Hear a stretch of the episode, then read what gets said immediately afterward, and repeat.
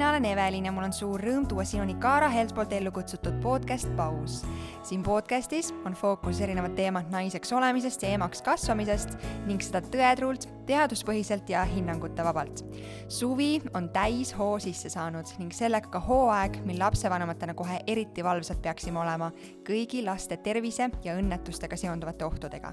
kuidas ennetada, aga ka käituda traumade tekkimise puhul, milliseid ettevalmistusi koduses apteegis suve jaoks teha ja millist tähelepanu oma laste tervisele just eriti suvel seada. seda räägib tänases saates lasteõde Hanna. head kuulamist. tšau, Hanna tšau. mul on tunne, või mitte mul ei ole tunne, vaid ma tean, et ma pean tegema siia algusse kohe suure aplausi sulle, sest äh, sa oled võtnud oma südameasjaks ja sa võid mind parandada hiljem, kui ma valesti seda ütlen, aga lastevanemate ees teadlikkuse tõstmise mm, laste tervise teemal ja sa teed seda läbi paljudele võib-olla ehk ainult meelelahutusliku platvormi, aga mul on hea meel ja see on ka see põhjus, miks ma selle aplausi sulle tahan teha, et sa oled äh, sotsiaalmeediasse, Instagramis võtnud äh, fookusesse siis selle teadlikkuse tõstmise jaa, aitäh äh, võib-olla on kuulajad kursis sellise kontoga nagu lasteõde, jah? jah, õige konto. miks sa seda teed? Sellepärast, et äh, ma olen enamuse enda siis õena töötatud ajast töötanud äh, Tallinna Lastehaigla erakorralise meditsiini osakonnas. Ja ma nagu, et ühest küljest see tuligi praktikast, et ma hästi palju nagu mõtlesin tööl, et äh, noh, et nii palju asju on, mis saaks või noh, on hästi palju pöördumisi, mis saaks olla olemata, juhul kui vanemad nagu tunneksid, et nad tegelikult saavad ise hakkama, sest nad noh, valdav enamus ajast nad tegelikult saavad. ja aga noh, selle jaoks ongi vaja siis neid teadmisi, mis seda võimestaks. ja ma ikkagi nagu sageli ka mõtlesin, et aga miks nii on või et, või et keegi noh, et kes peaks siis neid teadmisi pakkuma. või, või ka näiteks see mõte, et noh, keegi peaks midagi tegema ja siis noh, siis on nii nagu ikka, et siis ma mõtlesin, et mingi hetk ma tegelikult juba pikemalt mängisin selle mõttega, et, et aga tegelikult et ka mina olengi ka nii-öelda pädev neid teadmisi pakkuma, lihtsalt kogu aeg oli sihuke tunne, et noh, ma ei tea, äkki keegi teeks ja noh, mis mina ikka ja sihuke, aga. klassikaline. Mhm. ja siis noh, muidugi mu abikaasa ja siis parim sõbranna ikka on alati mulle väga kaasa elanud ja, ja nii-öelda sellesse ja minusse väga uskunud ja siis ma mingi hetk ikkagi otsustasin, et ma ise ka äh, nii-öelda usun ja teengi ja, ja see on mulle endale tegelikult ka nii palju andnud, just seesama, et noh, kohati, eks ju, see ennetus on nii tänamatu töö, siis seda ei ole võimalik otseselt mõõta. aga isegi ka see nii-öelda tagasiside, mis ma ikkagi ka seal sotsiaalmeedias saan, on, on, et see nagu hästi et see ongi see, mida ma nii-öelda ju taotlen, et, et minu, mul ongi see naiivne soov päriselt nii-öelda midagi teha paremaks ja seda nagu maailma muuta selles mõttes. Ja see saabki muutuda ainult siis, kui see info, eks ju, jõuab piisavalt äh, paljude inimesteni. ja, ja kuidagi ka see, et ongi tänasel päeval ikkagi kõik on sotsiaalmeedias ja, ja kõik teevad enda nii-öelda selle suure uurimistöö teevadki sotsiaalmeedias. ja mina ise näiteks ka väga pikalt olen, olen tarbinud just võib-olla rohkem selliseid USA ja Kanada siukseid, ma ei tea, kasvatuspsühholoogia alaseid mm. kontosid ja nii edasi, et see, et see tõenduspõhine info on seal tehtud nagu nii nii hästi tarbitavaks, et selliseks lihtsaks, kompaktseks ja võib-olla nii-öelda selles mõttes see ongi nagu tulevik, et, et sealt nagu, et noh, just seesama, et kui, kui see nii-öelda muu info kõik on seal nagunii olemas, siis noh, ongi viimane aeg, kui ka see nii-öelda tõenduspõhine info koliks siis äh, sinna, et see jooksebki sul lihtsalt kuskil silme ees ja siis sa nagu tarbid seda ja, ja saad seeläbi ka targemaks. just meil käis siin enne sinuga põgusalt vesteldes läbi ka see allikakriitilisus, et kindlasti see on vist sotsiaalmeedia paratamatus, et sa pead ähm, äh, tarbijana oskama välja selekteerida selle enda jaoks äh, õige info, mis äh, sul parasjagu sinu muresid potentsiaalselt lahendab. Ja, ja see, ja see on nii keeruline, eks ju, kuna just seesama, see info üleküllus kohati. Ja siis äh, kuidagi võib-olla ei olegi nagu aega ja ka võib-olla neid oskusi ka otseselt, et nüüd, et sa peaks kõike nii-öelda infot, eks ju, kontrollima, et kust see nagu tuleb ja kas see on nagu adekvaatne. Äh, mina olen otsustanud näiteks Instagramis, ma ei pane sinna taha neid allikaid, aga mul on täpselt sama info ka nagu kodulehel blogipostitustena ja sinna ma nagu panen ka kõik allikad, et sa saad nagu kontrollida, noh, minu jaoks on see lihtsalt hästi oluline, kui mina tarbin mingit sisu, et see oleks päriselt nagu kontrollitav, tõenduspõhine. Ja just, ja, ja ma ei mõtlegi võib-olla ka selles mõttes, et jah, või täpselt nagu sa ütlesid, et igaüks teebki ju enda valikud ja otsibki nagu selle info, aga just, et, et minu suurem mõte ja eesmärk oleks ka, et selle nii-öelda siis inimeste ja lapsevanemate nagu valikud oleks siis nagu läbi mõeldud, just see, et sa võidki, et nii-öelda ei ole ju ühte kindlat õiget viisi, et sa võidki teha erinevaid asju, aga et see oleks siis nagu läbi mõeldud ja uuritud ja, ja et sul olekski nagu jah, noh, ma ikka armastan hästi palju öelda seda, et see noh, teadmised võimestavad ja see, kui sa nagu tead, siis noh, sa oled ise nii palju enesekindlam ka mingite lapse tervisemurede lahendamisel, sest sa oled selleks pädev lapsevanemana, lihtsalt sul ongi vaja neid teadmisi, mis seda toetaks. Kuule, see on väga tänuväärt, mis sa teed, aitäh aga ma usun, et äh, ma tean, et see võtab äh, kindlasti väga palju aega. kui palju äh, on tulnud kirju stiilis äh, aitäh, sa päästsid selle olukorra oma info jagamisega või, või siis üldse positiivset tagasisidet sellele ettevõtmisele, mis sa jagad? no seda ikka on, selles mõttes, et mis ongi hästi tore ja, ja nii-öelda see iga, ma ka alati tänan, selles mõttes, kui keegi päriselt võtabki vaevaks äh, seda ilusat ja head ka jagada, sest noh, ilmselt noh, ma ise tean ka, et ma sageli võib-olla vaatan midagi ja mõtlen, et oh, nii tore ja nii äge, aga noh, ei, ei kipu nagu kohe kirjutama mm. võib-olla, aga tegelikult see on nii oluline, et nagu ka see tagasiside nagu noh, et sa näed ja, ja et, et seda õnneks selles mõttes ikka nagu tehakse ja see alati nagu ja annabki tagasi väga palju, sest jah, ma ka täpselt nii-öelda siis väikeste laste kõrvalt seda omast vabast ajast lihtsalt nagu teen. ka juba nii-öelda selle tegemine tegelikult annab mulle endale seesama, et ma saan kuidagi uuesti neid jälle siis nagu teadusartikleid vaadata, lugeda ja. kätt pulsil hoida oma mm -hmm, valdkonnas. kuule, aga miks meditsiin, miks õendus? kust sa jõudsid selleni? Ma ei tea, see oli nagu alati, see oli, see on minu jaoks olnud alati selge, nii palju kui ma ennast mäletan. noh, väiksena oli muidugi see, et kõik, kes, äh, eks ju, olid valge kitliga, kõik olid arstid haiglas, kes töötasid, et siis ma nagu teadsin, et ma tahan arstiks saada. aga mingi hetk nagu, kui see noh, reaalne sihuke otsustamise aeg tuli, et siis oli seda teist vaadet sinna ka nii palju tulnud, et, et arstindus ja õendus tegelikult on äh, täiesti erinevad maailmad. jah, nad on omavahel väga tihedalt seotud ja üks ei saaks ilma teiseta, aga, aga noh, nad on ikkagi niivõrd erinevad selles mõttes, et õendus just on selline noh, holistilisem ja selline nagu terviklikum lähenemine võib-olla mm. inimesele, et inimene on psühhosotsiaalne tervik ja, ja nii-öelda kui me muudame ühte osa, siis teine noh, kõik, et vaimne ja füüsiline ja et, et võib-olla seda on õenduses rohkem ja sellist vahetut nagu suhtlemist ja olemasolemist, mis on nagu mis nii-öelda minu jaoks rääkis õenduse kasuks, sest noh, meditsiin ja tervishoid, et need on ikkagi noh, et see maailm, kus me nii-öelda siis töötame, on, on seesama, aga lihtsalt see on nagu hästi põnev maailm, on kõik, kogu see õendus, arstindus ja, ja see ka, et kuidagi noh, et igav ei hakka mitte kunagi, et sa võid muuta lihtsalt nii-öelda väikest valdkonda, kus sa töötad ja, ja nagu maailm kohe täiesti muutub, et just seesama, ka see elukestev õpe ja see, et noh, et kogu aeg on põnev ja kogu aeg on midagi juurde õppida ja, ja see on nagu kas see ei tekita vastupidi sellist äh, ma ei tea, kas ärevus on õige sõna, aga seda nagu noh, et seda kõike on nii palju, et see, see maailm pidevalt areneb ja sa peadki hoidma ennast kogu aeg kursis kõigega, seda ei teki, vastupidist reaktsiooni no,? minul ei ole jah nagu tekkinud, võib-olla noh, et just võib-olla ma ei tea, minule lihtsalt inimesena kuidagi sobibki see, et ma tunnen, et et kogu aeg on midagi veel, et nagu noh, et justkui, et ongi, et sa saad veel midagi õppida, sa saad veel parem milleski olla ja veel rohkem teada, et et see pigem on minu jaoks nagu niisugune, mina näen seda nagu sellise positiivse osana oh,. Hanna, ma väga imetlen sind ja just seda äh,, seda, mis sa välja tood, et kogu aeg on võimalik areneda ja seda soovi ähm,. ma, ma ei saa öelda, et ma ei ole selline, aga ma olen väga spetsiifilistes valdkondades selline ja ma tahaks, et see oleks rohkem minu nagu muudesse eluvaldkondadesse ka kanduv, nii et ma võtan sult natukene eeskuju. Aga mina ütleks ka näiteks, et, et noh, ma kipun seda ka kodus näiteks ütlema, et mina näiteks ise tunnen, et õena, siis see õde Hanna ja siis mina nii-öelda kodus, mhm. et need on ka tegelikult ikkagi küllaltki erinevad inimesed, et nagu õena on see kuidagi, no see roll ikkagi on ka nii teine, et äh... põnev väga,, väga-väga põnev, kas see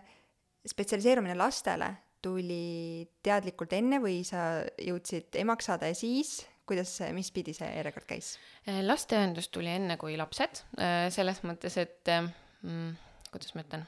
et seega nii-öelda võib-olla õenduses, kui mõnikord mõeldakse, et miks valida lastevaldkond, et siis see kunagi ei ole sellepärast, et ma ei tea, et mulle lapsed meeldivad või nii, et see, et pigem õenduses ja, ja seal valdkonnas on see pigem selline osa, et et kui sa saad sellega hakkama, sest lihtsalt lapsega on see, et, et su patsient ei ole kunagi ainult laps, see on alati terve perekond, mis te, toob sinna juba selle teise dimensiooni sisse. ja noh, ütleme, kui on vaja näiteks arutada midagi, rääkida, siis üks asi on, eks ju, see, et sa pead vanematega leidma ühise keele siis kas selle kolmeaastasega, viieaastasega, kaheksa-aastasega juba seal on see erinevus, kuidas sa temaga räägid, eks ju, kuidas tema asjadest saab aru. et, et see pigem ja jälle, mis võib-olla on see, et see ongi nagu nii-öelda põnev ja, ja, ja selles mõttes, et et kui sa nagu saad sellega hakkama, et minul ka üldse õeks õppima minnes ei olnud selles mõttes mingit kindlat äh, valdkonda, et, et ma nüüd teaks, mul on alati pakkunud huvi lap-, lasteõendus äh,, vaimse tervise õendus äh, eeskätt. Ja ma siis põhimõtteliselt lõpus ka, kui kool, kool jõudis nagu lõpule, et siis ma nagu nende vahel valisin, et meil on siis nii-öelda tervisekõrgkoolides on nagu hästi palju praktikaid, et sa tegelikult saad nagu paljudes erinevates kohtades nagu proovida. Ja et see tuleb ikkagi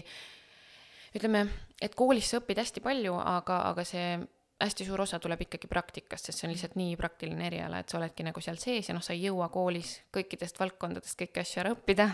et sa lähed siis nagu ikkagi nii-öelda haiglasse või, või kuhugi tervishoiuasutusse ja siis nagu seal, seal õpid nii-öelda veel edasi ja, ja veel rohkem, et. sul no, on kaks last? minul on kaks last, jah kui palju sul endal on olnud selliseid olukordi, kus äh, või kas üldse, et sa ei tea, mida teha? No ma ei, no mitte, ma ütlen ka, et mitte, et ma kõigest kõike teaks, absoluutselt mitte. võib-olla sa oled aga... liiga enesekriitiline siinkohal aga no siis ma nagu otsin selle info ülesse, et, et ähm, ütleme, tervisemuredes ei ole olnud sellist olukorda, et ma nüüd tunneks, et nii, nüüd ma tõesti ei tea, eks, eks kindlasti on olnud mingid asjad, kus noh, ma ei tea, ütleme ja võib-olla noh, tehakse ka nalja, et need emad, kes on ise siis kas ma ei tea, õed või arstid, et noh, need lähevadki siis ikkagi, pöörduvad kuhugi, kui on ikkagi juba nagu täitsa viimane häda käes, et et ega ma ka ei kipu kuhugi nagu pöörduma, aga noh, loomulikult ma ei tea, üks sihuke asi, kui näiteks lapsel on ikkagi väga pikalt väga kõrge palavik, noh, siis on selge, et siis mingi hetk tuleb vaadata, et eks ju noh, midagi peab seda põhjustama, ei ole tavaline viirus, siis ööle ei lähe et noh, siis, siis ma ikka pean, ega ma seda vereanalüüsi selles mõttes ei, kodus ei saa teha ja, ja et, et, et on ikkagi, et ikka on sellised olukorrad, kus on vaja ikkagi lõpuks kedagi veel, kes äh, ütleks nüüd, et mis me nüüd edasi teeme. Meie tänase saate fookuses, kuna suvi on just äh, siin täis hoo ja tuurid sisse saanud, siis äh, võiks olla äh, okei okay,, aastaringselt äh, toimub igasuguseid ähm, võimalikke olukordi ja õnnetusi ja ja tervisega seonduvaid muresid nii suurtel kui väikestel. Aga mul on tunne, et kuidagi suvel on eriti palju neid võimalikke mm, ohte, alustades äh, batuutidest, alustades liumägedest äh,, veest, kuumast äh, linaga kaetud kärust turvahalli laps üksinda autosse jäetud, kõik aknad kinni, kuuma päikese kätte. ühesõnaga, mul on tunne, et neid ohte on kuidagi eriti palju, mis ma ei tea, kas kipuvad kahe silma vahele jääma või mõeldakse, et lihtsalt korraks või korraks pöörad pilgu lapselt ähm,. Erakorralise meditsiini osakonnas kindlasti neid olukordi ja neid patsiente on ette tulnud, mis sa näed, millised kõige sagedasemad siis pöördumised just suvega seonduvatel muredel on olnud? et äh, jah, ongi igal aastal on oma spetsiifika, et äh, tegelikult selliseid traumasid ja neid on ka talvel, eks ju, siis kui lähevad teed libedaks või kui on kelgu, kelgutamised ja need, aga noh, jah, absoluutselt suvel igasugused ju ongi täpselt, mis sa tõid välja, kõik hüppamised batuudil, kõik sellised asjad, et noh, see on super hea pinnas, eks ju, traumade tekkeks. Ähm, kaljuumest laskmised, jah, võib-olla ka üks väike nüanss juba siin, et, et eks ju,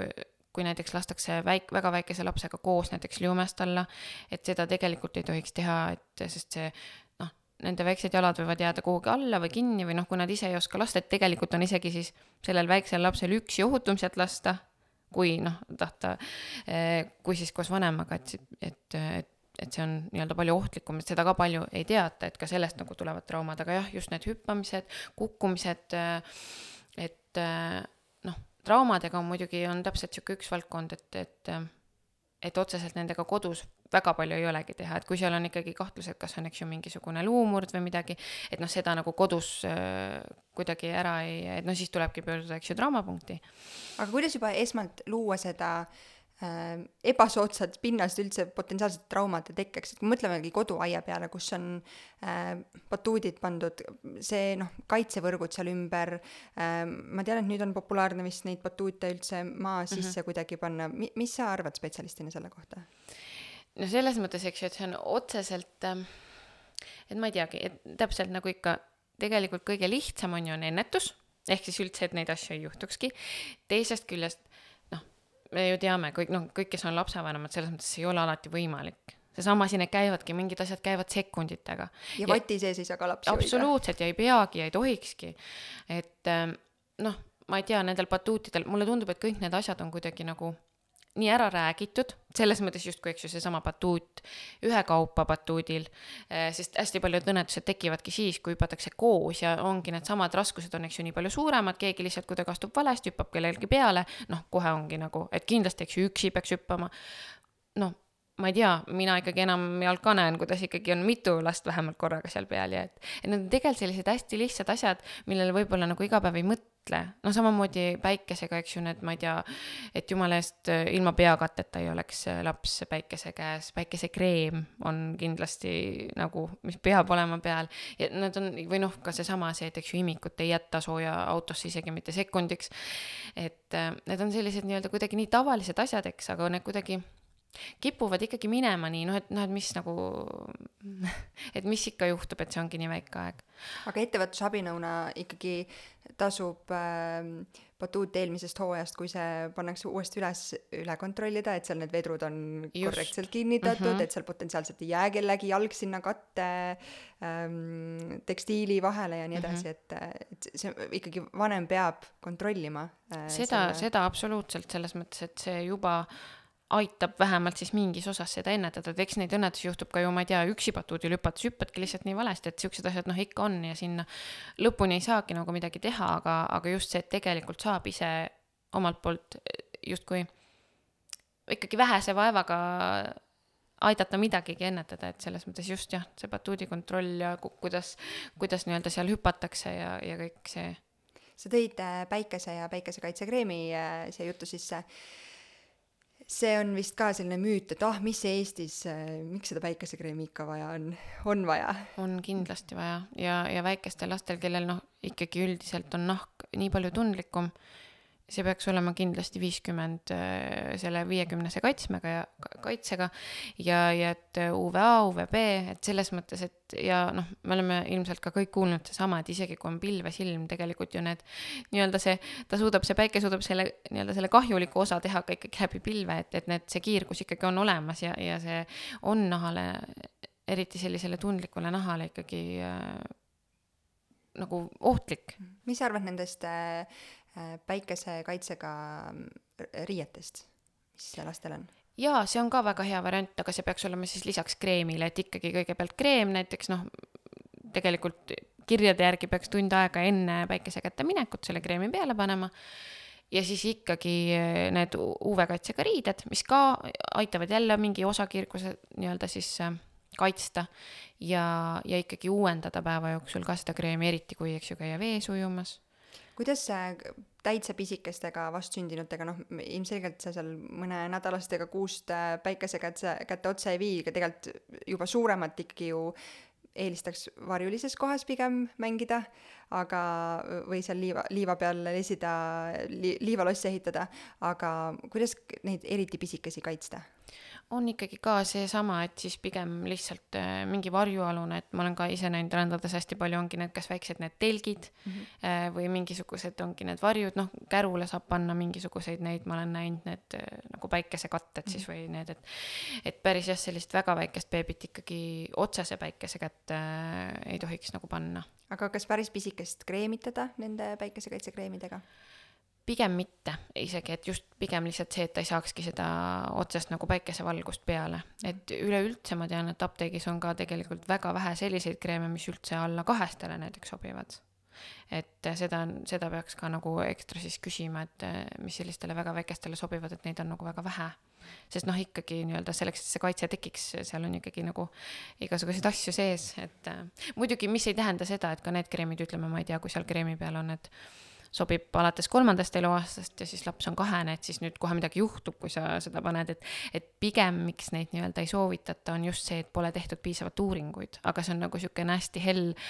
sihtgrupp, noh, siis ma ei tea, väikesed lapsed on ju beebid, rasedad, kelle peale ei tehta üleliia palju uuringuid, et eh, ehk siis ei saa, ei saa, keegi ei ütle, et see on kindlasti nii-öelda ohtlik, aga keegi ei saa öelda, et see on ohutu mm., sest pole nagu piisavalt infot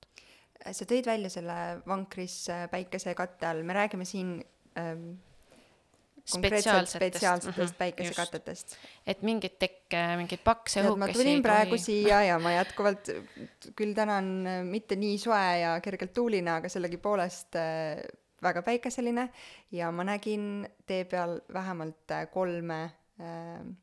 vankriga jalutajat, kellel oli täiesti tekiga kaetud see vanker ja mul oli selline tunne, ma peatan auto kinni, ütlen, et tehke sinna mingigi tuulutusava mm. Mhm. kuidas see kipub meelest minema või kust see vale arusaam on tekkinud, et äh, ma ei tea, ma arvan, et mõeldakse lihtsalt, eks ju see, et okei okay,, et siis ei saa nagu see päike otseselt ei lähe nii-öelda sinna sisse. ja võib-olla mõeldakse, et noh, seesama näiteks tänane päev, eks ju, mis meil on mingi kuusteist kraadi mm, -hmm. et justkui ei ole ju nii soe. Aga lihtsalt see on sama, kui sa oled, eks ju, telgis, see kinnine, see noh, ta läheb nii soojaks, sa ei pea isegi lauspäikese käes olema et ma ei, noh, ma ei teagi jah, seda tehakse ja või mõeldakse, et näiteks see musliinlapike on ju, et see jah. ei ole ju ta iseenesest ju nagu hingav. aga no ei ole jah, on olemas ikkagi need spetsiaalsed need öö, katted, mis sa saad sinna panna, mis on ka minu meelest selle UV kaitsmega lisaks ja ja et jah, ikkagi ainult need, et lihtsalt see läheb tõesti nii kiiresti palavaks, et osadel nendel beebimoniitoridel näiteks on ju need temperatuurimõõdikud küljes, et võib ise äh, panna selle monitori sinna ja vaadata, kui soojaks see läheb, et see läheb ikka päris ruttu päris soojaks, täpselt nagu autos, et see on selline hea selline et kinnine ei, ei saa ka korraks jätta last autosse. ma lähen toon hästi ruttu selle paki piima mm -hmm. poest. Võtta laps kaasa ja, või ja nad, need on täpselt needsamad asjad, et nii-öelda, et, et parem karta kui kahetseda, nagu eks ju, armastatakse öelda, et et see on ainult nii väike lisaliigutus ja jah, ei pruugigi mitte midagi juhtuda, selle tõesti jah, võib-olla mõnel ongi see, et no mis ikka selle mingi minutiga juhtub. Aga noh, seda enam, no ei juhtu, siis noh, ongi hästi, aga, aga seda riski nagu ei tahaks endale võtta, et midagi nagu läheb äh, halvasti mis võib juhtuda, kui on laps sinna mm, mitte piisava õhu, kuidas seda siis öelda, et laps on jäänud sinna kuuma vankrisse või kuuma autosse, mi-, mis tagajärjed seal võivad olla? No põhimõtteliselt kõige suurem tagajärg ongi see, et ta võibki saada kuumarabanduse, et ta lihtsalt kuumeneb üle, et lihtsalt ta, eriti need, eks ju, väikesed beebid, see nii-öelda nad ju annavad enda soojust ära selle keha kaudu, nahapinna kaudu ja, ja kui seal, kui tal ei ole seda soojust nii-öelda mitte kuhugi eraldada või noh, et seal ongi lihtsalt nii kuum, ega tavalise palavikuga ka see esmane nii-öelda nii-öelda ravi siis võiks olla see, et eks ju see kõik riided ära seljast, see, et ta, et, et see nii-öelda, et see kuum saaks kehast kuhugi minna, kuhugi eralduda nagu. et äh, aga siis, kui ta ongi selles kuumas keskkonnas, keskkond jääb samaks ja lihtsalt lähebki järjest soojemaks, tal ei ole seda kuumust lihtsalt mitte kuhugi panna enam. millest see väljendub, see, see kuumarabandus? Äh, ka puhtalt selles, et äh, mingi hetkel keha, no põhimõtteliselt nagu palavik tekib, ongi kehatemperatuur tõuseb, noh, ma ei tea, suuremate laste puhul kuumarabanduse, kuumarabandus võibki olla siis niimoodi ka, et äh, eks ju, oksendab, peavalu, noh, kõik sellised asjad, muutub loiuks äh, just, jaa. ja no sama on ka selle nii-öelda noh, et päikesepistega nii-öelda armastatakse öelda vist, et, et, et sul ei peagi olema otseselt, eks ju, seda, et sul on või noh, kuidas ma ütlen, et, et see, et et raske ongi nii-öelda spetsiifiliselt öelda, et see on just see asi, sest needsamad noh, ma ei tea, näiteks võib-olla on kõhuviirus, eks ju, et oksendad või, või on lihtsalt mingi viirushaigus, sul on palavik. aga noh, siin ongi nii-öelda see siis tekkemehhanism, et sa saad mõelda, et kas noh, ongi kusagil oled olnud näiteks päikese käes, lauspäikese käes või, või ongi selline palav ilm ja et siis ikkagi tasukski mõelda, et võib-olla, võib-olla on nagu sellest, et, et need üldiselt need sümptomid on siis nii-öelda sarnased mingite teiste asjade sümptomitega, aga kui sa näiteks tõesti tead, et sa oled olnud rannas sellise kõige suurema intensiivsuse ajal näiteks pikemat aega ja, või lapsel ei ole peakatet eh, ja ikkagi ma ei tea, ta on õhtul selline loid, oksendab, palavik, noh siis eh, ikkagi ka suure tõenäosusega see võib olla nagu sellest tekkinud. millised esmased äh, ravivõimalused, lahendused lapsevanemal peaksid äh, pirniga pähe äh, põlema lööma, mis teha tuleb sellisel juhul? no esimene asi selliste asjadega ongi see nii-öelda see keskkond, et kui sa juba noh, ütleme, sa oledki lapsega rannas, sa näed, et tal on niisugune asi läheb nii-öelda kehvaks, siis rannast esiteks, eks ju, ära minna kuhugi varjulisse kohta. noh, idee poolest siis üleüldse, eks ju, peaks minema koju, aga ütleme, kui noh, ongi lapsel ongi tolles hetkes väga paha olla, siis kasvõi lihtsalt kuhugi puu alla, kuhugi varjulisse kohta, et ta saaks nagu hakata ja siis sinna alguses natukeseks istuda Äh, muidu üldises mõttes ka näiteks kodus, eks esimene asi ongi selline siis jahutamine. et kui see kehatemperatuur on äh, ka kõrgem, et võib äh, siis näiteks puhas käterätik teed leikeveega märjaks ja siis teed sihukest kompressi nagu peale, et, et ta nagu jahu, aitab nagu siis kehal seda kuumust ära anda ja pikutada lihtsalt ja üldiselt, kui see ei olegi nii-öelda mingi väga ras-, raske astmega asi, et siis ta ikkagi leeveneb üsna ruttu ära, et noh, saab natuke pikutada, natuke jahutada ja juba neil, no lapsed on eriti siuksed visad, et neil üldiselt hakkab päris ruttu hea. tunduvad nii väikesed ja hellad, aga ja. ometi saavad päris hästi tihti ise hakkama nende muredega. just. mis olukorras äh, tuleks pöörduda arsti juurde või EMO-sse ähm,? Ütleme, ega noh, sellisel puhul äh, siin ongi nii-öelda kaks varianti tavaliselt, et üks asi ongi see, et eks ju, kas sa siis nii-öelda tuledki kodus sellega ise toime või kui on väga halvasti, siis, siis kas EMO või kiirabi. et perearsti juurde otseselt sellega, noh, et siin ei olegi nagu midagi väga teha, et siis sa saadki kas nii-öelda kodus hakkama, loomulikult võid, ma ei tea, helistada enda pereõele või siis, või siis, et kui sa tahad ikkagi kinnitust sellele, et, et noh, kas sa teed kõik õigesti või et kas nagu, et seda muidugi võib teha, aga noh üleüldse kõikide asjadega, ma ütleks EMO-sse pöördumise puhul või kiirabi kutsumisel on noh, minu jaoks, mida ma alati ka mainin, on üks hästi oluline asi on seesama, see lapsevanema tunne, et nüüd on päriselt midagi valesti. et seda tõesti tasuks nagu enda puhul ka kuulata, et noh, sa, sa saad aru, et lapsega on midagi nagu valesti. et ma ei tea, ma arvan, et ma arvan, et see on veel mingi nii-öelda see lisatunne, et loomulikult sa näed, et kui, kui ma ei tea, nüüd on ma ei tea, laps oksendab, tal on väga paha olla, loomulikult ei, ei pea kohe, ma ei tea, et sul võib siis ka olla selles mõttes halb tunne, sest sa näed, et okei okay,, nüüd on lapsel midagi halvasti. aga see on minu meelest selline teistsugune halb tunne, et sa justkui oled nii-öelda kõik õigesti ära teinud, äh, võib-olla oledki kogu aeg nõu küsinud, oled teinud ja ikka sa näed, et midagi on valesti. aga noh, nende konkreetsete asjade puhul, noh, seesama ikkagi, kui laps on ikkagi nagu väga loid ja korduvalt oksendab, kaebab, ma ei tea, kõva peavalu, noh, noh et, et sa näed, et ikkagi nagu on asjad halvasti, rääkimata sellest, kui, kui juba tekivad mingisugused teadvusehäired selles mõttes, et ta kas ajab mingit täiesti seosetut juttu või, või, või noh, et siis kindlasti tuleks nagu pöörduda. aga üldiselt need on ikkagi sellised nii-öelda kergemad, noh, ma ei tea, kuidagi mulle tundub ka, et need, et lapsevanemad ju noh, et, et, et vähe on seda, et sa oled hommikust õhtuni näiteks rannas, ongi, ma ei tea, pole lapsele kreemi pannud, äh, mütsi pole peas, no seda ikka nagu väga ei ole, et need on võib-olla sellised mõned tunnid, jah, laps, mõni laps ongi nii-öelda sellele tundlikum, aga, aga nii-öelda ma tahaks arvata, et kuidagi, et sellele jaole saadakse nagu piisavalt vara, et see ei jõua nagu veel nii hulluks nagu minna, sest, sest seal on konkreetselt see, et see nii-öelda see, mida pikemat aega sa nagu selle käes oled, seda hullemaks nagu see olukord selles mõttes läheb. mm siin on vist paslik meelde tuletada, et mitte ainult lapsed ei pea olema päikese eest kaitstud, vaid Just. lapsevanemad täpselt samamoodi ja, ja suuremad äh, rannas viibijad. et äh, päikesekaitsekreem ja vahepeal varjulises kohas viibimine ja vee joomine on just, oluline. jah, ja vee joomine just nii lastele kui endale ka. kusjuures äh, täitsa pisikestega ähm, või, või õigemini siis mitte seal kuskil, äh, ma ei tea, pooleaastast äh, kuni aastased äh, kumba eelistada äh, nendes äh, äh, olukordades, kus see vedeliku puudus võib tekkida, kas rinnapiim või vesi? et ma, ma lihtsalt, miks ma seda küsin, on see, et ähm,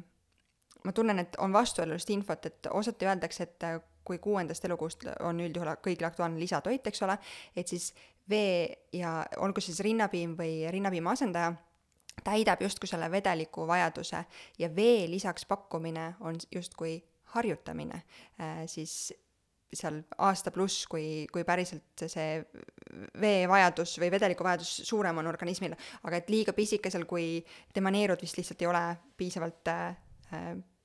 arenenud mm, -hmm. et mhm. seda vedelikku kõike läbi töötada, et kumba eelistada või mis olukorras, kuidas käituda? mina olen seda, noh, seesama nii-öelda ma tean seda ka, et vanasti näiteks äh, väga tugevalt soovitati, ütleme ka isegi need kolmekuused, näiteks ütleme, et sul on kolmekuune beebi südasuvel, kus ongi need kõige, ma ei tea, kolmkümmend kraadi, et siis ikkagi ka tänasel päeval need vanemakooli võib-olla äh, spetsialistid ikkagi ka ütlevad, et andke vett juurde. tegelikult ikkagi tänase päevani või tähendab siis tänaseks päevaks ei ole nagu tõenduspõhi, ütleme, teaduskirjandust sellel teemal, et see oleks vajalik, tegelikult ei ole, seda vett tegelikult ei pea juurde andma. et ähm, nüüd küll seal alates siis, eks ju, kuuendast kuust, miks siis nii-öelda see vee pakkumine, kui ongi see lisatoit tuleb, et kui seda lisatoitu on juba, eks ju, ka rohkem, siis on lihtsalt seda vett vaja ka kogu nii-öelda selleks äh, seedimiseks ja kõigeks. aga nii-öelda üleüldse selle vedeliku andmise mõttes mina ütleks, et see on täpselt seesama, see enda eelistus, et kui see laps võtab seda rinnapiima, siis see on super hea variant, sest eks ju seal on ju lisaks kõik need muud head asjad eh, muidugi siin võibki olla see, et võib-olla, eks ju, kõht saab nagu sellest täis, et siis ta võib-olla nagu seda enam ei taha võtta, võib proovida vett anda. et seal kuus pluss ma küll jah, prooviks selles mõttes anda lisaks vett, aga just seesama, et enne seda tegelikult see ei ole vajalik, et ma tean ka tänasel päeval ikkagi öeldakse, noh, minul endal on kaks, mõlemad on suvebeebid ja, ja ka minule ikkagi öeldi ja siis ma veel ka ise uurisin veel selle kohta, sest noh, samamoodi ma olin ka kuulnud, et tegelikult ei ole vajadust anda seda vett lisaks, et siis pigem jah, palju rinda pakkuda, et ta saab ju sealt nagu kõik selle kätte, nii vedelikku kui et noh, et tegelikult ikkagi ei ole jah äh, vaja Äh, anda juurde. et kuni kuuekuustel esimese eelistus on ikkagi piisab rinnapiimast, rinnapiim just. või rinnapiima asendaja, kuidas mm -hmm, kellelgi. just, jah. ja alates kuuendast elukuust ikkagi vett äh, ka juurde pakkuda, aga see ei tähenda. et kui ta joob näiteks ainult piima, siis palun, et just. selles mõttes, et aga, aga noh, seal üldiselt nad ikkagi öö, juba ka võtavad vett ka ja noh, kui niikuinii, kui anda lisatoitu, ütleme, ma ei tea, minu, no kuidas ma ütlen, et kui ta ongi siis näiteks laps on selline, ma ei tea, näiteks kümnekuune, ta sööb näiteks lisatoiduna igasuguseid, ma ei tea, noh, seda peretoitu, et siis nagunii tuleb talle pakkuda ka vett, eks ju, et see seedimine oleks ka nagu nii-öelda parem. toetatud mm. -hmm. kui me räägime päikesest veel, siis päikesepõletused, eh, noh, päikesekaitsekreem, kõik need ähm, UV-kaitsega riietused ja nii edasi, aga kui ikkagi peaks eh, tekkima väikesel lapsel päikesepõletus, siis kuidas sellega toimida? siis no ma ütleks, et jälle samamoodi, et esimene asi oleks selline jahutamine ikkagi samamoodi, et, et mingisugust jahedat äh, rätikut peale panna äh,. mitte vanaemade kombel hapukoort määrida. Ja selles mõttes jälle siin on sama asi, et see hapukoor, ma saan nagu sellest mõttest väga hästi aru ja korraks on sihuke hea jahe, aga just hapukoorega on see probleem ja, ja tegelikult ei tohiks ka mingisuguseid, ma ei tea, õlisid, beebiõlisid, asju, sest nad lihtsalt on nii rasvased, täpselt nagu hapukoor, et tegelikult on see, et see põletus on ju nii-öelda noh, haav, see on nagu reaktsioon sellele, et nüüd on nahakahjustus ja, ja kui me paneme sinna mingisugust õli või hapukoort, siis ta tegelikult ummistab kõik need poorid ära, kuumus ei saa sealtkaudu eralduda, eh, pluss see on super hea pinnas põletike tekkeks, sest lihtsalt noh, see on selline koht, mida bakterid ka armastavad, kui seal on mingisugused noh, kõik on seal kinni nagu, et ähm, et esimene asi on jah, jahutamine äh,, mingisugust jahedat kompressi teha natukene, noh muidugi ma saan aru, et mingi väga väiksed, noh, nad ei püsi eriti kuskil paigal, et aga lihtsalt jah, võib ka näiteks siis väiksema lapsega näiteks lihtsalt voolava vee alla minna, näiteks duši alla natuke jahedamat, noh, loomulikult mitte külma, eks, aga sihukest natuke jahedamat, et see ka päris hästi võtab seda valu siis omakorda ära ja, ja noh, teine oluline asi tegelikult ongi siis pärast seda nii-öelda sihuke niisutamine, aga jah, just siis mitte nende paksude rasvaste õlide ja asjadega, vaid väga hästi sobivad mingisugused need ähm, aloekeelid või mingid vee baasil sellised niisutavad äh, tooted, et see nagu ka soodustab seda paranemist. ja kui on juba selline olukord, et siin on näiteks villid tulnud peale, siis neid ville ei tohi tegelikult katki teha, et äh, sest ikkagi seesama asi, et siis on see nii-öelda, et see on jällegi enda nii-öelda nahakaitsereaktsioon, et ta tekitab sinna sellise villikese, aga et kui see nagu katki teha, siis sealt lihtsalt jällegi on jube hea pinnas nende põletike tekkeks, et sinna võib siis mingi mustus sisse minna. et laste nahk, kõigi nahk, aga laste oma eriti on nii hell ja, ja et seda hoida äh, peaks võimalikult vist äh, hellalt ka sellele lähenema, nii kõiki, ma ei tea, lisavahendeid kasutades neid, mitte katki teha neid ville ja, ja muud, et just. kui äh, me korraks traumade juurde tagasi tuleme, äh, sa tõid välja, et noh, et siis nagu suurt polegi teha, et siis ikkagi seal valesti läinud batuudi hüppamise tulemusena äh, ikkagi lähed äh, erakorralise või siis traumapunkti, kuule, paranda mind nüüd, traumapunkt ja EMO on eraldiseisvad asjad? meie siis siin Eestis äh, näiteks igal pool maakonnahaiglates, seal, seal on, eks ju, ainult üks üldse ongi ja. EMO, ongi erakorralise meditsiini osakond, sinna käivad kõik traumad, igasugused Just. erakorralised haigestumised. küll nüüd Tallinnas näiteks lastehaiglas on eraldi äh, on erakorralise meditsiini osakond ja on traumapunkt eraldi. aga noh, selles mõttes ei ole suurt vahet, et nad on samas majas, sama korruse peal äh,, lihtsalt kuna ongi laste spetsiifik-, nii-öelda spetsiifiline ongi seesama ka, et neid traumasid on ka, on, neid ongi palju et need on kuidagi tänase päevani olnud eraldi, ma tean, et tulevikus tahetakse nagu need ka kõik panna nagu kokku. aga noh, idee poolest siis nii-öelda patsiendi jaoks ei ole erilist vahet, sest sa lähed samasse majja, lihtsalt noh, ma ei tea, sa peaksid teisest uksest minema sisse okay., aga vahet ei ole, sa jõuad ma olin ausalt öeldes väga hämmingus, sest mul hiljuti oli lapsega siin asja mm -hmm. ja siis ma vaatasin, et üks nool näitab traumapunkti ja mm -hmm. teine nool näitab äh, laste erakorraline ja noh, ma küll teadsin, miks ja kuhu ma potentsiaalselt pöörduma pean, aga lihtsalt ma olin äh, hämmingus, et need on eraldi. ja tegelikult selles mõttes, noh, eriti lasteaegas ma ütleks, tegelikult on iseenesest hea mõte neid hoida eraldi, sest just seesama asi, et kui noh, ma ei tea, oletame, et sina oled ju tegelikult terve lapsega selles mõttes nagu äh, viirushaiguste mõttes ja sul on lihtsalt, äh, ma ei tea, mingisugune nihestus või murd, mitte selles mõttes lihtsalt, aga et noh, et, et et sa oled nii-öelda mm, ikkagi ju haiguste vaba ja siis su kõrval on näiteks igasugused viirushaigused, oksendamised, et selles mõttes ka, et seal on nagu jällegi väga soodne pinnas, et sa lähed, et muidu, kui sa istud seal kõrvuti, et sa lähed lihtsalt äh, mingisuguse ühe probleemiga ja siis Tuleb pärast jääd haigeks ja, jah. Me rääkisime päikesest, me rääkisime üleüldiselt soojast äh, ja traumadest, aga äh, mis mis, millised traumad veel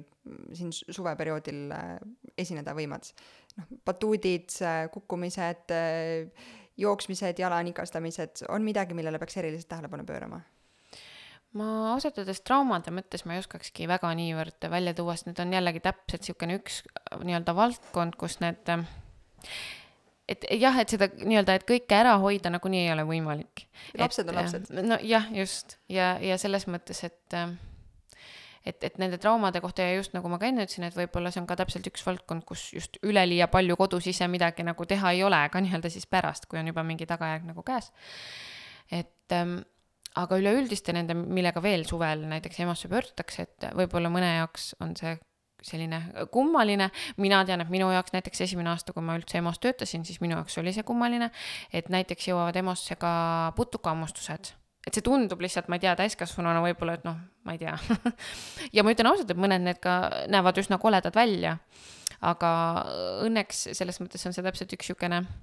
nii-öelda probleem, kus see nii-öelda, et, et see võibki näha nagu äh, kehv välja.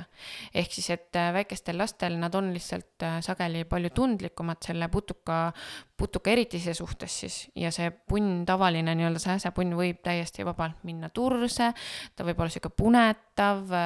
valus ja see on väga normaalne. Selles mõttes nad lihtsalt ongi nii tundlikud jälle sama asi, otseselt väga palju teha ei ole, kui äh, näiteks jahutada, pannagi ka seda külma, jahedat tähendab siis seda rätikut sinna peale. Äh, apteegis on saadaval erinevaid igasuguseid ähm, leevendusi selles mõttes, et ähm, paljud, paljudel aitab näiteks sürtek, sürtektilgat siis, eks ju, lastel on küll nii-öelda retseptiga, aga et see on antihistamiinikum, mis siis nii-öelda mm, võtab seda turset nagu maha mis ja omakorda siis vähendab sellega nagu sügelust, et see paljudel väga hästi aitab, ma tean, minu lapsel näiteks Jürtek väga hästi aitab, kui tal, sest tal lähevad ka hästi koledaks need sääsepunnid. Äh, ja teine asi, mis on nüüd küll alates siis äh, suurematel lastel on ähm, on see nõrga hormoon hor,, nõrga hormoonsisaldusega salv, hüdrokortisoon, mida võib siis õhukese kihina sellele punnile nagu peale määrida, et see ka vähendab sügelust, aitab turset alandada. et need on nagu sellised ja igasugused tegelikult ka sellised eeterlikõlide äh,, siuksed segud apteegist, mis on olemas ekstra -hmm. mingisugused nagu pealemääramiseks. aga siin on see asi, et alla, allaaastastele äh, ei tohiks neid kangeid eeterlikõlisi peale kuhugi määrida, sest nad on hästi tundlikud ja näiteks ju hingamisteed on nii lühikesed ja see on hästi suur nagu ärritaja, et see võib tekitada omakorda ise allergilist reaktsiooni ja hingamisraskusi, et allaaastastele neid eeterlikke asju ei, ei tohiks nagu peale määrida paranda mind, kui ma eksin, aga eeterlikud õlid üldse, kui sa neid paned nahale, siis need peavad olema mingisuguse äh, mingi baasõli peal. ja, ja, ja, et neid tavalisi niisama neid puhtaid, mitte et mis on sinna aroomilampi kasutamiseks, et need on ikkagi mingisugused kindlad segud ja asjad, mis, mis nagu tehakse. aga me räägime ainult nahale panekust. ma leidsin äh, hiljuti mulle tundus geniaalne toode, eeterlike õlidega ähm, ma ei tea, kas immutatud sellised kleepsud mm. -hmm. mis sa paned lapse riiete peale mm Mhm. -hmm. ja eukalüpt ähm, jah, klassikalised mingid teepuolid, just- asjad pannakse just- selle just- vendlid vist mis ja ma tean omast kogemusest varem, et need tõesti mm Mhm. -hmm. aitavad peletada Mhm. eemale igast vastikuid sääski mm Mhm. -hmm. ja parme, et nende kasutamine on justkui aktsepteeritav. jaa, jällegi ma, ma sellele võib-olla, ma ei tea, paarikuusele beebile ei paneks Just. seda kuhugi lähedale, aga noh, tal on, ongi siis need sääsevõrgud peal asjad, ma ei tea, vankris, eks ju. aga suuremal lapsel jaa, absoluutselt, ma olen ise ka, ma olen näinud, et on isegi mingid käepaelad, sama mm, -hmm. sama nii-öelda selle efektiga, sest seal sees on mingi see immutatud äh, see, aga ma ei, ma ei tea, kui efektiivsed nad on, aga samas mingid ju sääseküünlad, asjad on ka väga, et, et, et potentsiaal nagu on olemas, et võiks olla. Saab katsetada. jah putukahammustuste kohta sa tegid hiljuti ka ühe postituse oma äh, sotsiaalmeediakontol või ka blogis mm. mm -hmm. ja ma ei ma, see tundub hästi loogiline, aga kui ma ei eksi, siis sina tõid selle välja, et mida rohkem sa seda sääsepunni sügad, seda rohkem see tegelikult sügelema hakkab, et vist vallandub seesama mingi aine, mis sa enne mm. -hmm. ütlesid äh,, mis jah, et noh, number üks võikski olla, eks ju, seesama mitte, aga noh, seda on hästi lihtne öelda, aga väga raske teha, sest kui sul midagi sügeleb, siis raske. jah, absoluutselt. aga selle vastu tegelikult aitavadki needsamad asjad, seesama see jahekompress, siis see näiteks sürtektilgad, mingisugune antihistamiinikum, mis ja siis äh, näiteks see kreem, et need nende nii-öelda efekt ongi see, et nad võtavad seda turset alla, nad seeläbi vähendavad sügelust, valu, et kõik nagu see omakorda aitab siis seda, et, et et seda sügelemist ka vähendada, et, et otseselt sügamise vastu ei ole nagu jah, midagi olemas, aga, aga need kõik need asjad, mis siis teha, et need nagu sa tõid välja, et sinu jaoks oli üllatav esimesel aastal EMO-sse, et putukahammustustega pöörduti palju. millises olukorras üleüldse on põhjendatud erakorralisse pöördumine putukahammustuste korral? Mm, ja me räägime siin praegu sääskedest ja parmudest ja sellistest tegelastest, on ju. teine teema vist on herilased ja mm Mhm. ja need, kes nõelavad jah, parmud, jah, mesilased vist ei nõela, kui ma ei, või mesilased nõelavad ka, Mhm. okei. äh, kuidas ma ütlen, haiglasse ühtegi last minu ajal ei ole võetud putukammustusega. et ähm, ega otseselt sellist äh, väga suurt vajadust nagu tegelikult ei, ei olegi. jah, võib-olla, kui on näiteks hästi palju punne ja nad on kuskil siin silmapiirkonnas, kus on nagu hästi hell, võib-olla on nagu kinni paistetatud ja nii edasi, et siis muidugi võib üle vaadata, kuigi isegi siis noh, mina isiklikult alustaksin perearstist aga siin kehtib ka seesama asi, et issand, kui sa ikkagi ise näed ja tunned, et ikkagi midagi on halvasti ja sinna lisaks sellised üldised asjad, et ma ei tea, lapsel on palavik või ta on loid või ta noh, et sellised üldised asjad veel juurde, siis noh, muidugi. aga ega seal väga palju selles mõttes teha ei ole, et ega haiglas samamoodi näiteks siis seal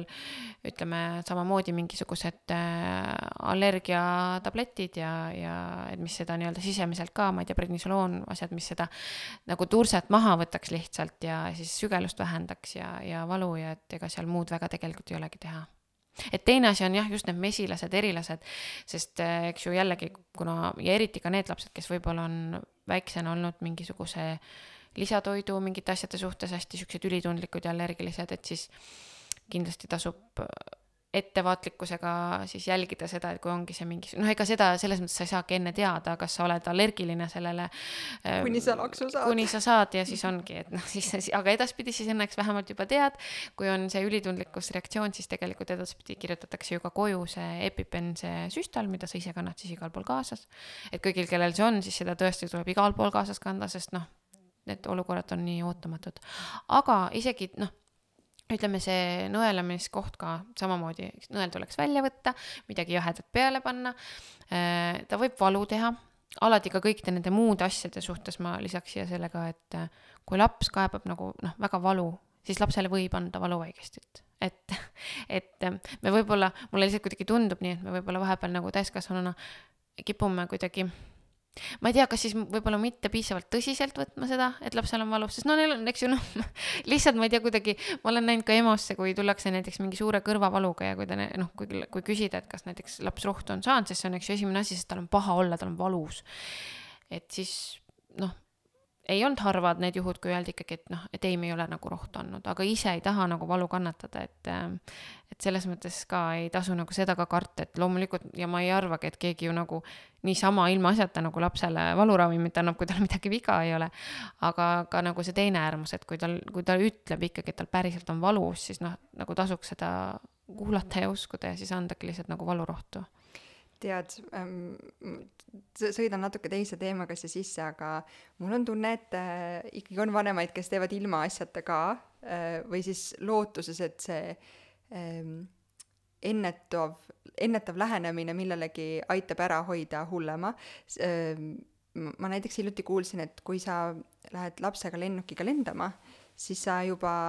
eos äh, enne kui üldse lennujaama jõuad, siis ta, siis annad talle palaviku alandajat äh,, mis ju väikestel on valu on ja palavik on on kaks nagu valu ühes, eks. vaigesti. et siis annad seda, et, äh, et siis tuleb kuidagi rõõmsam lennureis.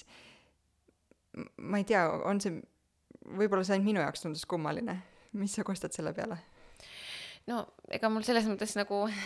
erialases vaates ega siin ei olegi, selles mõttes, et loomulikult ei tohiks niisama igaks juhuks ühtegi ravimit anda, sest ravim on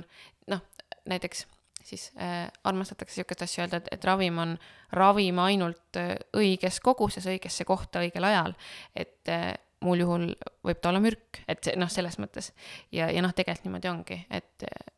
õigesse kohta, õigel ajal, õiges koguses. ehk siis äh, jällegi keegi ei ütle, et kohe midagi juhtub, eks, aga lihtsalt äh, jah, kindlasti tasuks äh, jah, nagu siis Läbi põhjuse- mõelda, jah, põhjendatud. jah, Mhm. jah. tead, see on, see on tegelikult hästi huvitav teemapüstitus, sest äh, ma, ma olen täielikult äh, teaduspõhise meditsiini, läänemeditsiini usku ja ma tean, et äh, kõikidel ravimitel on oma koht ja sa tõid väga hästi välja selle, et äh, mille jaoks ravimeid kasutada, eks, mis olukorras, aga ähm, see paneb tihti nagu kummastama, et äh, kui ma olen kellegagi diskuteerinud sellel teemal, et justkui arvatakse, et käsimüügi ravi, ravimid on nagu hästi lihtsad, nad on nii lihtsasti kättesaadavad, need ongi nagu põhimõtteliselt igapäevaseks kasutamiseks. ja siis mulle alati meeldib tuua seda näidet, et võta mingi antibiootikumi äh, infoleht ja vaata neid äh, võimalikke kõrvaltoimeid ja siis võta kas või paratsetamooli või ibuprofeeni, millel on kolm korda pikem kõrvaltoimete äh, nimekiri seal. et ei ole päris nii, et see, mis on käsimüügist ja vabalt kättesaadav, on justkui selline lihtne äh, lihtne ja ohutu nagu. just, täpselt. jah, täpselt see, mis sa ise välja tõid, et pigem just vastupidi ja just sellel samal põhjusel, et need on kõigile kogu aeg kättesaadavad. et, et see teebki selle selles mõttes ohtlikumaks, et, et seda võib kasutada oma äranägemise järgi, noh, mis iganes viisidel, et, et see nagu tegelikult teebki selle ohtlikumaks, mis jälle omakorda toob, eks ju, selleni, et vastavad teadmised on tegelikult see võti nagu, kuidas oleks see vähem ohtlik, et, et ikkagi jah, mõelda ja lugeda ja vaadata neid asju ja siis teha enda otsused. just, kuule, aga kui me juba ravimiteni ja apteekideni ja kõige selliseni jõudsime, siis kas me võiksime puudutada ka ähm, sellise kas suvise või üleüldise koduse apteegi ähm, äh, valmisolekut, mis seal võiks olla ja mis sinna, mis seal vajalik oleks? Mhm. eks äh, jällegi on mingid, eks ju, baasasjad, mis justkui peaks igal aastal olema, loomulikult siis sihuke sügistalvisel perioodil on veel rohkem neid igasuguseid, no nohuköha, palavik on sihuke klassikaline trio, et see noh, ja neid on ka suvel absoluutselt, et selle, ega nad kahjuks kuhugi ei kao. küll ikkagi mõnevõrra vähem, tahaks loota. et ähm, et äh, igatahes noh, mina mõtlen, et suvel, eks ju, kui arvestada, et ikkagi väga paljud inimesed äh, liiguvad ringi, et siis noh, meil suvel on ka endal selline, kui võiks öelda nii-öelda selline nagu suvine reisiapteek, et mis, kui me lähme kas äh, maale vanaema juurde, kuhu iganes, et siis me võtame nagu kõik need asjad kaasa. Jällegi minu meelest noh, mis iganes, mina olen ka sada protsenti tõenduspõhise meditsiini usku, aga ütleme, no mingid asjad ilmselt on veel maailmas olemas, igatahes kui sul neid asju kaasas ei ole, siis noh, siis ta jääb suurema tõenäosusega haigeks. kui, et kui sul on asjad vähemalt olemas, siis on nagu tavaliselt nagu vähe leebem. no just, et, et vähemalt niimoodi tundub, et kohe, kui neid asju kaasas ei ole, siis mina kannan isegi ausalt öeldes seda suurt ninaaspiraatorit kaasas, sest liiga palju on olnud siukseid olukordi, et nii, nüüd me oleme, ma ei tea, kolm päeva ära ja täitsa lõpp esimesel päeval on nagu kõik, nüüd on, kõik ninasõrmed on täis, et, et ma ei jäta enam juhusooleks väga midagi. aga no number üks asjad kindlasti ongi seesama kraadiklaas, palaviku alandaja, mis ongi siis kaks ühes, on palaviku alandaja ja valuvaigesti, kas siis paratsetamool või ibuprofeen. et äh, lapsevanemate jaoks võib-olla siis sellised, noh, ma ei tea, väga väikestel on, eks ju, need paratsetamooli küünlad ja siis äh, seal äh, natuke suuremad suuremast vanusest on siis äh, näiteks ibuprofeeni siirup, paratsetamooli siirup, Panadol, Nurofen, et need on siuksed lapsevanemad kõik kindlasti teavad. et ja kindlasti sealjuures enda jaoks võiks olla seesama, see kogus, et millises koguses ühekordse annusena siis tuleb lapsele seda ravimit anda. et selle võiks aeg-ajalt ka üle arvutada, sest noh, jällegi ükskõik mis olukorrad, kas perearsti juurde jõuad lõpuks selle palavikuga või EMO-sse või kuhu iganes, et number üks asi, mis küsitakse, on kui kaua on palavik kestnud, mis see kõige kõrgem palavik on. kui palju te annate ühekordsena nii-öelda palaviku alandajat, kunas te viimati andsite, et hästi sellised nii-öelda no hästi selles mõttes lihtsad küsimused, aga ka nendele on vahepeal nagu see, et ei teagi või, või ma ei tea näiteks, palju mu laps kaalub. et sest see käibki ikkagi täiesti nagu kaalu järgi, see palaviku ravimi manustamine et minul on ka seal Instagrami lehel on isegi näidisarvutuskäik toodud välja, sest see on see, et ibuprofeeni kümme milligrammi kehakilo kohta ja paratsetamooli viisteist. Ja siis juba sealt, kui see nii-öelda enda lapse summa on teada, et siis saab juba selle, siis vaatad, kui palju, eks ju, ravimi milliliitris on neid milligramme, et tundub väga selline matemaatika, jah, jah aga no ühe korra teed ära, siis on jälle tükiks ajaks rahu ja, ja tegelikult jällegi, et, et ka seda palavikku alandab õiges doosis ikkagi ainult, tähendab õige, palavikku alandab ikkagi ainult see õiges doosis nagu ravim. et muidu võib jääda see, et ta ei lähe piisavalt alla. ja, ja võib-olla ma ütleksin kohe palaviku kohta selle ka veel, et pärast ravimi andmist tund aega on veel see aken, kus tegelikult palavik võib veel lausa tõusta et ma tean, et see ka paljusid näiteks ehmatab, et noh, ma andsin rohtu ja isegi tegelikult võib-olla pool tundi on möödas ja ikka või, või on veel kõrgem. et see tekitab nagu hästi palju muret vanemates ja et okei okay,, et nüüd võib-olla peaks kuhugi minema, et palavik ei lähe alla. aga kui on õige doos ja kõik, siis tegelikult ütleme, tund on selline aeg, kus ta peaks hakkama siis juba langema mm ja selliste väga kõrgete palavike puhul, eks ju, on ajutiselt ka okei okay see lahendus, et anda kordamööda nagu paratsetamooli ibumetiini niimoodi kolme tunni tagant, aga see on ainult ajutine lahendus selles mõttes, et kui seda on vaja teha, no maksimaalselt siis kolm päeva ja tegelikult siis tuleb ikkagi ka juba võtta arstiga ühendust, et vaadata, et miks see, mis see, noh, et peab olema mingi põhjus, miks see palavik ei taha väga alla minna. ja isegi kui seda rohtu anda, eks ju, see palavik tegelikult ei pea minema täitsa nulli ja, ja ta võib tulla tagasi, sest ta tulebki noh, noh, seda, see ka võib-olla paljusid selles mõttes ehmatab, et et jälle, et aga noh, kui laps on haige, siis nii-öelda noh, ta ongi haige, et see, et see palavik läheb ära päriselt ainult siis, kui see nii-öelda viirus on läbi elatud või, või et selles mõttes, et lihtsalt hästi siuksed nii-öelda tavalised asjad, mis ma saan aru, lapsevanemana ongi väga okei okay,, kui need, ma ei tea, kuidagi ehmatavad või sest noh, sest lapsed üldiselt ongi, see on väga okei okay ka see, et nad näiteks, nad ei pea sööma, eks ju, peaasi, et jooksid ta võib olla loid, kui on kõrge palavik, see on väga normaalne, oluline on siin märgata seda, et kas ta nii-öelda elavneb siis, kui see palavik läheb alla, et see on oluline, et kui ta palavik läheb alla, ta on ikka loid, noh siis see on väike murekoht, aga ütleme, kui ta on kõrge palaviku ajal loid, väga okei okay,, väga normaalne. aga noh, need on täpselt sellised asjad, et lapsevanemana on seda nagu kuidagi valus, eks ju, võib-olla vaadata ja mõelda, et ma tahaks ju aidata, ma tahaks midagi teha, aga no need on täpselt sellised asjad, kus nagu väga palju ei olegi midagi teha, kui lihtsalt see üle elada ja aga noh, et selleks on ka vaja jällegi seda teadmist, et see on normaalne, et ma teen kõik õigesti ja, ja noh. Nendes olukordades äh, vist on paslik meelde tuletada seda, et, et perearsti nõuandeliin on olemas, enda pereõde on mm -hmm. ilmselt äh, ikkagi kõne kaugusel olemas. et äh, kui ei tea, mida teha, siis tuleb küsida teadjamatult abi. just. ühesõnaga need palaviku asjad äh, siis äh, eks siin ongi, noh, ma ei tea, kui on väga väike laps, siis ega selle näiteks needsamad nohud, köhad, ega siin väga palju midagi teha ei ole. number üks asi on alati seesama naatriumkloriid ehk füsioloogiline lahus, mis on nagu A ja O koos selle inhalaatoriga, kui vähegi on olemas, see on noh, väikeste lastega, see on selline, mina ütleks sihuke must have, selles mõttes see peab olema olemas, sest äh, eriti alla, noh, ütleme sihuke, ma ei tea, alla aastasega pole mitte midagi muud teha nende nohu, suurte köhade korral kui põhimõtteliselt auru, auru, auru, kogu aeg lihtsalt auru, sest ta niisutab hingamisteid, aitab seda turset alandada, puhastab bakteritest, et ega väga muud nagu ei olegi teha. Et kindlasti see naatriumkloriid võiks olla olemas. No mingisugused sellised esmased äkki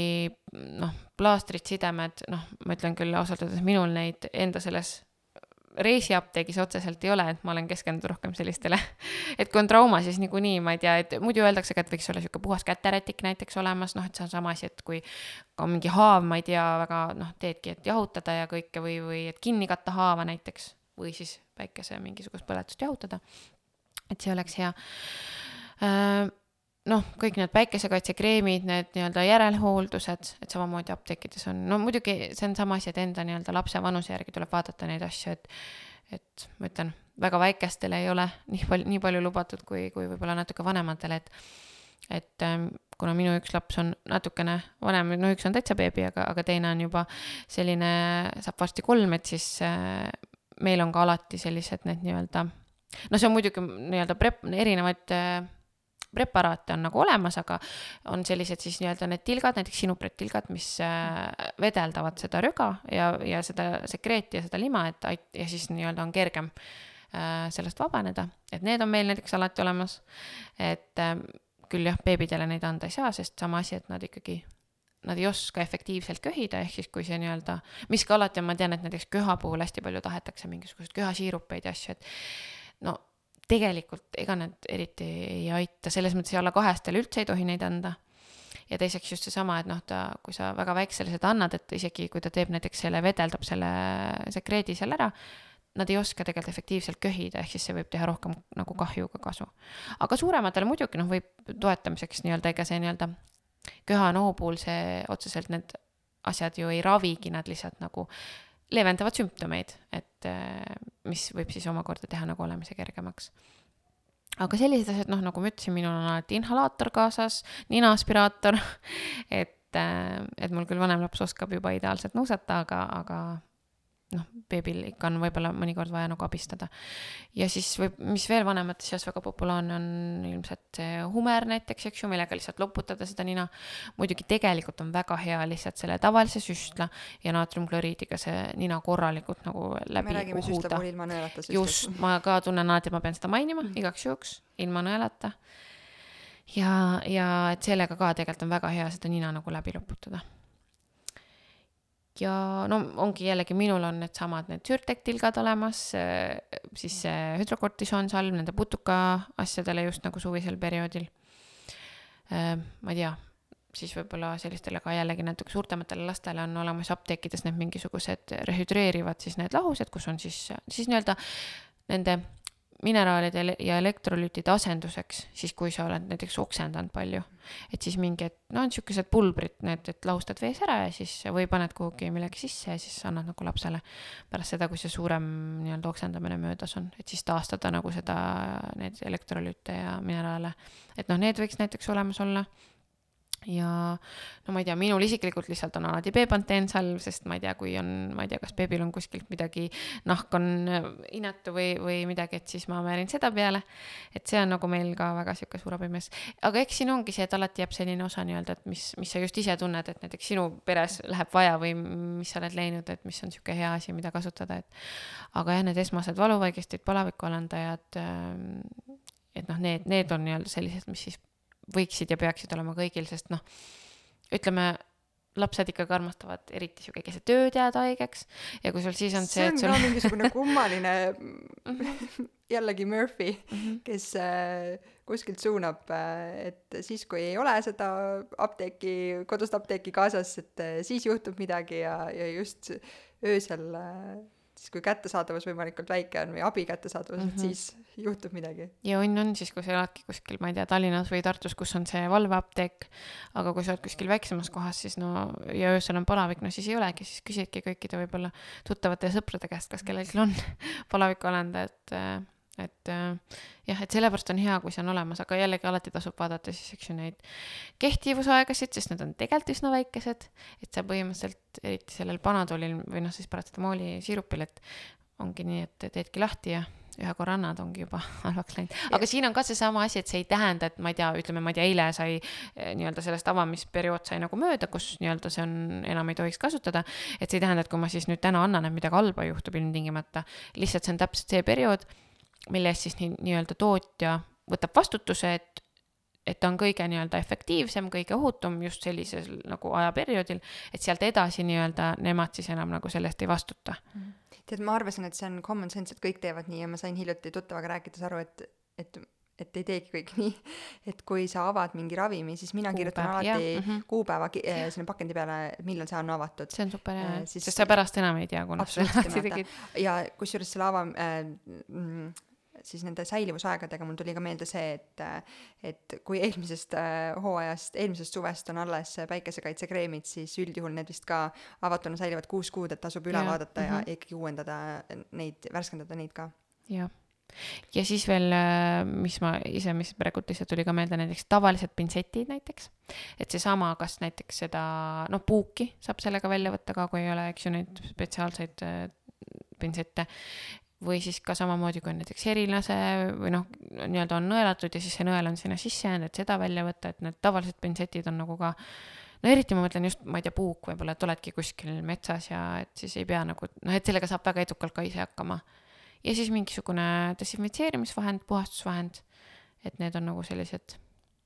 mis võiksid nagu olla. Kuule korraks äh, puukidest, ma olen lihtsalt ise meeletu puukide kartja. Äh, kui äh, puugihammustus äh, on ja siis see tuleb ilusti välja võtta ja ei pea jooksma esmajoones äh, arsti juurde, et tuleb jälgida lihtsalt. absoluutselt, jah. ja sellega üldiselt saabki täiesti kodus hakkama, et needsamad pintsetid, tegelikult on apteegis ekstra need puugipintsetid olemas, võimalikult pea lähedalt kinni ja lihtsalt otse välja tõmmata ja samamoodi ka ei ole hullu, kui see ja no üle ja näiteks tavaliste pintsettidega, eks, eks ju, on võib-olla see, et väga kõvasti pigistada ei tohi, et oleks hea, kui see puuk katki ei lähe, sest muidu ta annab veel nii-öelda viimase selle ka sinna sisse, mis, mis tal on, et või nagu ettevaatlikult sealt võimalikult pea lähedalt. ja samas jah, mitte nagu liiga kõvasti, et ta katki ei läheks ja esimesel võimalusel seda teha, kui, kui see puuk leitakse, eks. absoluutselt, on samamoodi, et iga nii-öelda tund on äh, oluline, sest et mida kauem ta seal on, seda kauem ta jõuab seal nagu anda neid enda asju edasi. ma lihtsalt kujutan ette, et mina, kui ma leiaksin lapselt puugi, siis ma olen umbes selline, et ei, ma ei julge teha midagi, ma ootan, kuni abikaasa koju jõuab, aga tuleb ise ja, võtta julgust kokku ja teha. jah, et seal on küll see, et iga tund nii-öelda võib muuta midagi, et ähm,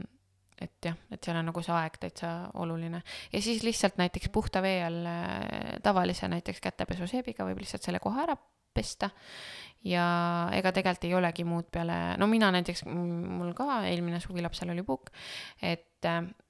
et siis ma panin igaks juhuks endal selle kuupäeva kirja ja kust see, kust ma selle puugi nagu leidsin ja et noh, lihtsalt, sest need on täpselt siuksed asjad, äh, et see haigus ju võib tulla nii, või need nii-öelda kaebused võivad tulla nii palju hiljem et siis on nagu hea teada, et sageli ka miks mitte näiteks ka EMO-sse suvel meil ikkagi ka neid entsefaliite jõudis ja, ja oli samamoodi, et noh, noh, nad tulid selle murega, eks ju, lihtsalt, et on, ma ei tea, oksendab, äh, peavalud, kõik siuksed asjad. ja siis kuidagi nii-öelda uurimise käigus tuleb välja, et tegelikult oli mingi paar nädalat tagasi puuk näiteks ka et see on tegelikult oluline, et äh, just kui midagi nii-öelda hiljem juhtub, et siis seda ka arstile või, või muule tervisespetsialistile mainida, et sihuke asi ka oli, et äh, ja mul on tunne, et kõikide nende asjade alus on ikkagi see teadlikkus, et äh, olla kursis äh, tõenduspõhise infoga äh, ja aktuaalse või siis praegu viimase infoga, et mitte see, et mis vanaemad ja vanaisad kuskil, kes imesid vist rästikumürki ka ise välja, et et ühesõnaga neid müüte on hästi palju ja sellist äh, ja. väärinfot äh, levib hästi palju, et püüda ennast kurssi viia teaduspõhise ja, ja viimase infoga. mis eks ühest küljest on nii raske selles mõttes, et lapsevanematel ja noh, eriti emadel on seda igapäevast uurimistööd nii palju ja seda nähtamatut tööd, eks ju, et et selles mõttes see ongi raske ja siis, aga noh, paljud emad ongi ju näiteks, ma ei tea, imetad öösel või, või lihtsalt öö, oled haige lapsega üleval ja eks sa siis lihtsalt otsidki seda infot ja, ja selles mõttes ja, ja noh, ja tänasel päeval minu meelest on ka ikkagi palju rohkem nagu see teadmine, et, et inimesed ise vastutavad nagu enda tervise eest ja noh, veel ka, eks ju, enda lapse tervise eest. et võib-olla vanasti oli rohkem minu meelest ja ma tajun ka seda võib-olla vanema põlve inimestes, et noh, et arst ütleb mulle, mis ma pean tegema. et, et absoluutselt arst või õde, ka tänasel päeval õde on see number üks spetsialist tegelikult, kes suudab väga paljud asjad iseseisvalt ära lahendada ja noh, pädevus näitab ka see, et kui ta siis ühel hetkel tunneb, et see on tema pädevusest väljas, siis ta leiab selle inimese, kes teab või suunab edasi või selles mõttes, et seda nagu tasuks ka usaldada, et õed tegelikult, eriti perearstikeskuses, no nad on number üks kontakt, nad võib-olla sa mõnikord ei teagi, et sa tegelikult üldse oled kõiki asju õega ajanud. Et selles mõttes, et aga just see, et tegelikult, et sina vastutad, eks ju, enda tervise eest ja noh, laste puhul ka nende tervise eest, et selles mõttes on justkui ka see kohustus olla teadlik selles mõttes, et, et äh, mitte keegi teine ei, tegelikult ei saa öelda, et mis sa nagu pead tegema, et loomulikult need siis tervishoiuspetsialistid, nad on selleks õppinud ja nende siis roll peakski olema see piisavate teadmiste nagu andmine, et sina saaksid teha ise nagu siis selle otsuse, sest nagu noh, sina, eks ju, ise vastutad enda tervise eest, aga, aga selles mõttes jah aitäh sulle, Hanna, nende tähelepanekute, soovituste, info eest ja selle eest, et sa seda teadlikkust igapäevaselt ka tõstad lapsevanemates äh, läbi oma, oma, ma ei tea, kas see on selline kireprojekt või, või selline missioonitöö, mis sa teed et...? jaa, no selles mõttes, et hetkel, no see on, see on puhtalt selline jah, kireprojekt on võib-olla hea sõna, ma kindlasti, mul on ka väga suured nii-öelda noh, nagu ma enne ütlesin, mul on kaks väikest last, et see nii-öelda fookus on hetkel mujal ja seda aega võib-olla ongi vahepeal on isegi see tunne, et ma tahaks nii palju rohkem teha, aga praegu ei saa. ja see on okei okay,, et ma seda nagu tuletan endale meelde, aga mu nii-öelda visioon kindlasti on see, et ma näengi, et nii palju rohkem saab ära teha, ma kindlasti, minu eesmärk oleks ikkagi näiteks äh, ühel päeval, et oleks olemas äh, see vanemlust toetav e-kursus ja mitte just, et absoluutselt esmaabi on ka äärmiselt oluline, aga minu jaoks just eriti selle praktika põhjal on täpselt sama oluline need nii-öelda, nii-öelda tavalised haigestumised, oksendamised, palavikud, nohud, köhad, mis on tegelikult need, millega enamjaolt satutakse ju kuhugi, kas EMO-sse või, või kuhugi. et jah, loomulikult elustamine ja kõik on ka, aga lihtsalt äh, noh, et need teised asjad on need veel igapäevasemad, millega sa nagu puutud kogu aeg kokku. et ma kindlasti nagu leian, et see oleks üks väga suur äh, asi äh, nii-öelda, kuidas oleks võimalik siis nagu lapsevanemaid toetada, et just nii-öelda see hästi liigendatud, hästi struktureeritud, see, et sa saad nagu osade kaupa vaadata, ahah, okei okay,, nüüd on nohu, vaatan need asjad üle, sest hästi tihti on seesama asi, et võib-olla noh, jälle mingi asi, lähed natuke sabinasse, et okei okay,, lapsel on nüüd nii et see kindlus, et tegelikult sa tead, mida sa pead tegema, aga sa näiteks vaatad korra üle, okei okay,, ma teen kõik õigesti, ma peangi praegu nii tegema, ma ei saa praegu rohkem midagi teha ja see on nagu piisav. et, et, et ma loodan, et või noh, mitte ma loodan, ühel päeval on selline, selline asi ka mul tehtud. super, ma hoian sulle väga pöidlaid ja ma loodan, et nii sul kui su perel tuleb eh, muredeta ja rohkem nautimise eh, vees suvi ja, ja kõikidel kuulajatel tuleb ka mõnus eh, suvi ilma suuremate äpardusteta ja tervisemuredeta. aitäh! aitäh! Tšau.